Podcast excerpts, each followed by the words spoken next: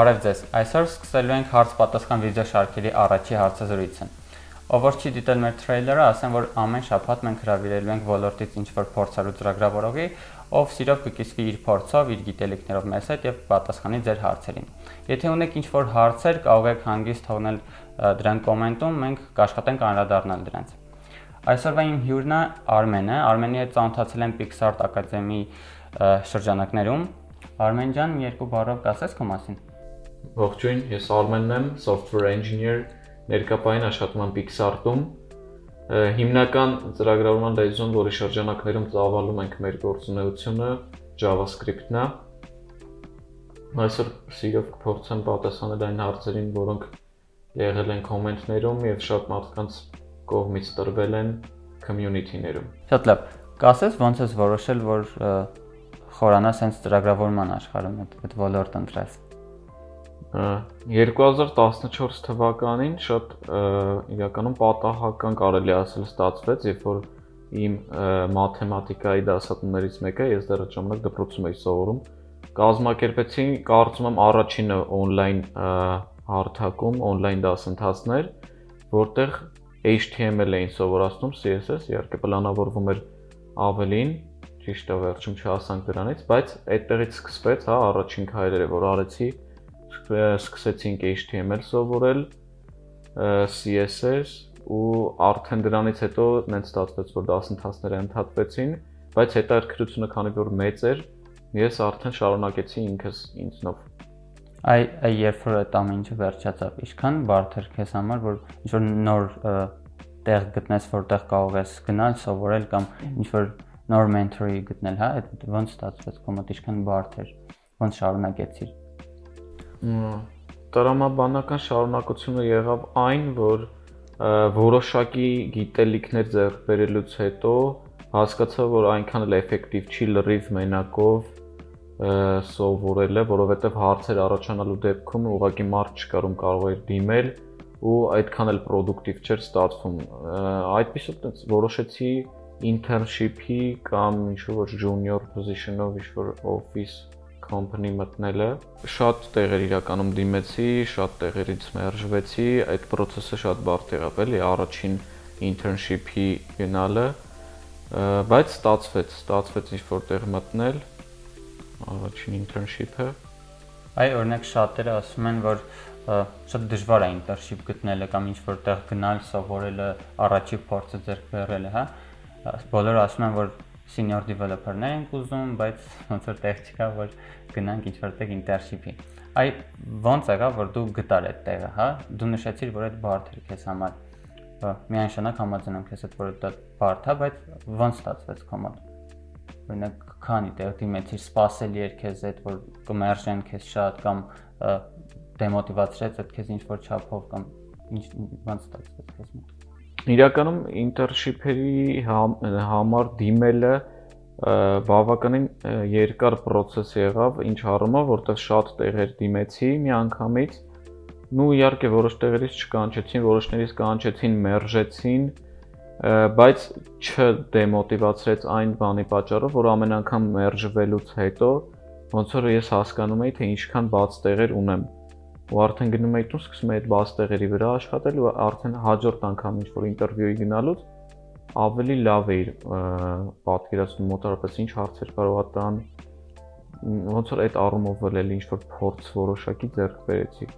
հա շատ լավ իսկ այդ ընթացքում որ օրինակ մերժում էին ու դու հասկանում ես ինչի համար են մերժը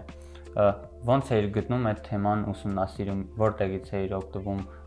ինչ լեզուներով, հա, ռուսերեն էր օգտվում թե անգլերենի, ինչքան հեշտ էր դա քո համար, ինչքան երկար էր տևում, հա, մի ինտերվյուից ոնց որ մերժվելուց հետո հաջորդ ինտերվյուին մասնակցել այդ process-ը։ Հիմնականում անգլերեն լեզվով եմ հենց ամենասկզբից սկսել ուսումնասիրել ցանկացած բան, դոկումենտացիաները, ինչ որ արտիկլներ, հոդվածներ հիմնականում անգլերեն լեզվով եմ ուսումնասիրել, նույնիսկ տուտորիալները, վիդեո դասերը եւ այլն։ Հա, շատերը հարցնում են, որ անգլերեն օրինակ եթե չգիտենք, արդյոք այդ բարդ է թե չէ։ Քո կարծիքով ինչ ինչ խորհուրդներ կտաս, եթե մարդիկ անգլերեն չգիտեն ռուսեն, բայց գիտեն, ռուսերենով են ուզում սովորեն, ին ինչ խորհուրդներ կտաս, ինչքանով բարդ է դա, ինչքանով հարմար կամ ինչքանով հնարավոր։ Իրականում կա, ես ինչքանով որ ես նայում եմ, գրեթե բոլոր դոկումենտացիաները, հա, հիմնական լեզուների կամ framework-ների մեծ մասը թարգմանված է ռուսերենով։ Իհարկե շատ-շատ ցանկալի է, որ տերմինոլոգիաները եւ այլն անգլերենով ուսումնասիրվի, բայց ռեալ է լրիվ, որ եթե օրինակ անգլերենից այդքան էլ ուժեղ չես, ռուսերենով կարող ես ուսումնասիրել։ Բայց բայց խորհուրդ կտամ միանշանակ զարգացնել անգլերենի սկիլերը նրանց, ովքեր ռուսերենով են ուսումնասիրում, որովհետև դա հաստատ ավելի ճիշտ է իմ կարծիքով։ Միանշանակ համաձայն եմ քեզ հետ Արմեն ջան։ Ես էլ օրինակ սկսել եմ ռուսերենով, դաժե գրքերը անգլերեն translate էի անում ու ռուսերեն կարդում էի, բայց ոնց որ ինչ որ բայից սկսած ես գիտակցեցի ու որոշեցի, որ չէ, անպայման պետք է անգլերենը սլավացնեմ ու անգլերենը, որովհետև շատ կարևոր է, որովհետև շատ տեղեր ես անգլերեն լեզուն չիմանալու պատճառով ուղղակի դժում էի։ Շարունակելով քո պատմությունը, կասես, երբ որ առաջի անգամ դու ընդունվեցիր ինչ որ ֆիրմա, ինտերնշիպի կամ աշխատանքի, ոնց էր ընդհանրապես քեզ զգում այդ այդ քո ֆիլինգը, ոնց էր? Իրականում հա շատ շատ է ուրախացել, երբ որ ստացվել էր արդեն approve-ը ստացել էի, որ կարող եմ արդեն գնալ, այնտեղից աշխատել ու իրականում task-երի հետ կապված ու եւ առհասարակ ընդհանրապես ինչ որ կամպանիա մտնում եք, կարծում եմ ինչ որ մենթոր կգցեն ձեզ, հիմնականում այդպես է լինում էլի, որ ենթադրենք եթե ինչ որ task-ի հետ կապված հարցեր եք ունենում եւ այլն, միշտ մեկը կլինի, ով ձեզ կարողանա օգնել, էլի ու իմ դեպքում նույնպես այդպես եղավ, մարդ կար, որ բնականաբար ինձ ավելի փորձառու էր, ավելի տեղյակ էր այն product-ից, որի վրա աշխատում էինք։ Միշտ հարցերով ինքը support անում էր, երբ որ ես ինչ-որ հարցեր էի ունենում, օգնում էր։ Իրականում երբ որ արդեն նոր սկսվեց task-երի բաշխումը, միանշանակ կար վախ, նույն լարվածություն, թե կարողա չհասցնեմ deadline-ին կամ չկարողանամ ընդհանրապես անել ու երբեմն տենց էլ էր լինում, նույնիսկ շատ հաճախ էր սկզբից լինում, որ deadline-ներին չէի հասցնում ու տենց մի քիչ ստրեսային վիճակներ էր նույնիսկ առաջանում, բայց դա էլ լրիվ օքեյ է, էլի ժամանակի հարց է ու կարծում եմ բոլորը գործատուները դա գիտակցում են ու պետք չէ էլի վախենալ ընդհանրապես դրանից, որ չի ստացվի կամ չես հասցնի Իսկ ինչպես որոշեցիր, որ ոնց հասկացար, որ արդեն պահն է եկել, որ դու պետք է ուրիշ ֆիրմա գնաս։ Պահը եկավ, որ ոչ թե ես որոշեցի կարելի է ֆիրմայից ուրիշ ֆիրմա գնալ, այլ մենք ֆիրմայում անում էինք մի բան, որ ես մտածեցի կարող եմ մենակս անել։ Ավստրալիական marketplace կա, որտեղ վաճառվում են template-ներ, ու ֆիրման զբաղվում ենք դրանով։ Այսինքն մենք սարքում ենք որոշ template-ներ ու վաճառում ենք դրանք։ Ինչ որ բայց սկսած ես հասկացա, որ կարող եմ դա մենակս անել, որովհետև շատ գայթակղի չէր նույնիսկ այդ սեյլերը տենալ, այդ տրաֆիկները թե ընդհանրապես ինչ ինչ սեյլեր ես ունենում ու տենց որոշեցի որ մենակս արդեն կարող եմ անել ու արդեն ոնց որ դուրս եկա company-ից ու փորձեցի մենակս աշխատել դրանց վրա ու դա ինքը իրանով էլի շատ մեծ challenge էր որովհետև այնտեղ հայտնվել է այդ marketplace-ում հայտնվելը review-ները անցնելը բավականին բարդ էր ու սկսեցի շատ ֆորումներում կարդալ իրենց մասին ընդհանրապես թե առհասարակ մարդիկ այնտեղ մտնելուց ինչ խնդիրներ են ունենում, ինչ reject-ներ են ստանում այնտեղի approve approve անողներից առհասարակ ու բավականին ելի երկար ամիսներ տևեցին մինչև ես կարողացա իմ առաջին template-ը սարքել ու approve ստանալ 10-ից ավել reject-ներից հետո համոզված եմ, որ շատ հետաքրքիր ու challenging է եղել այդ ամենը, բայց դու նշեցիր, որ տեսել ես sales-երի ստատիստիկան ու ոնց որ որոշել ես, որ մենակով անես, հավանաբար տեսել ես, որ շատ գումարներ են ոնց որ ստանում դրանից ու որոշել ես, որ դու այդ գումարները ստանաս, այլ ոչ թե ինչ որ կամպանիայում աշխատես ու եւ այլ եւ այլ քեզ քիչ գումար կա։ Այ հիմա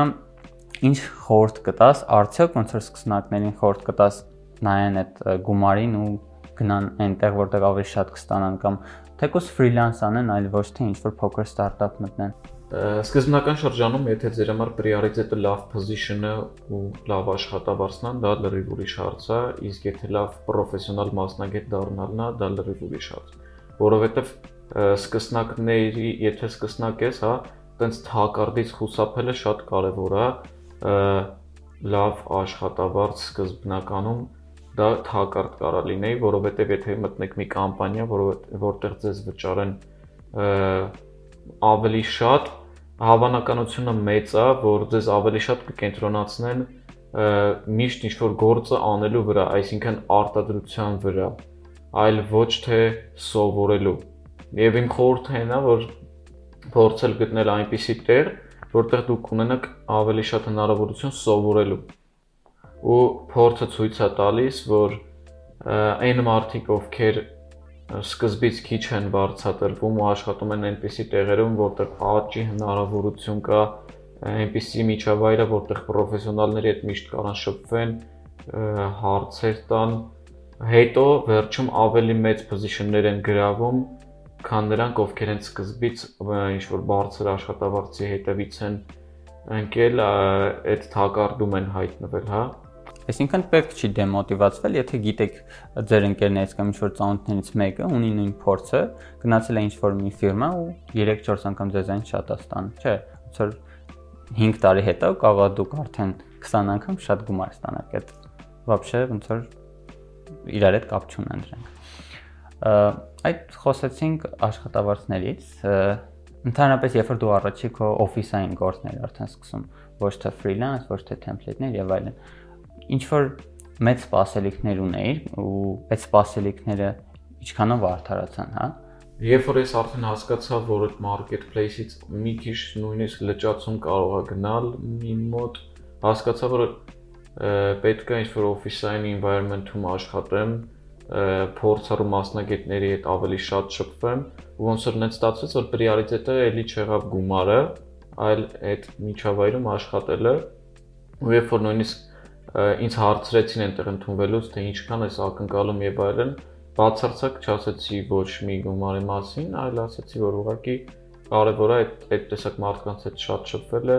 ու էլի այն հնար կրթվելու հնարավորություն ունենալը այսինքն չկենտրոնանալ շատ գործի վրա, չգիտեմ, նույնիսկ շատ կլիենտների հետ քեզ կապեին, հա, որ իրենց պրոջեկտները support անեիր, այլ հնարավորություն ունենայի սովորելու հասկացա։ Դու հիմա աշխատում ես Pixar-ում,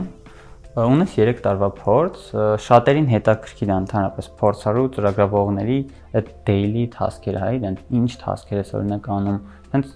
օրինակ ինչ որ parz օրինակ ասա քո առօրյա task-երի միջից։ Task-երը իրականում թե ինչ task, ինչ տիպի task-եր ես անում, նրանք շատ company specific կարան լինեն, հա, ու ենթադրենք եթե դիտարկում ենք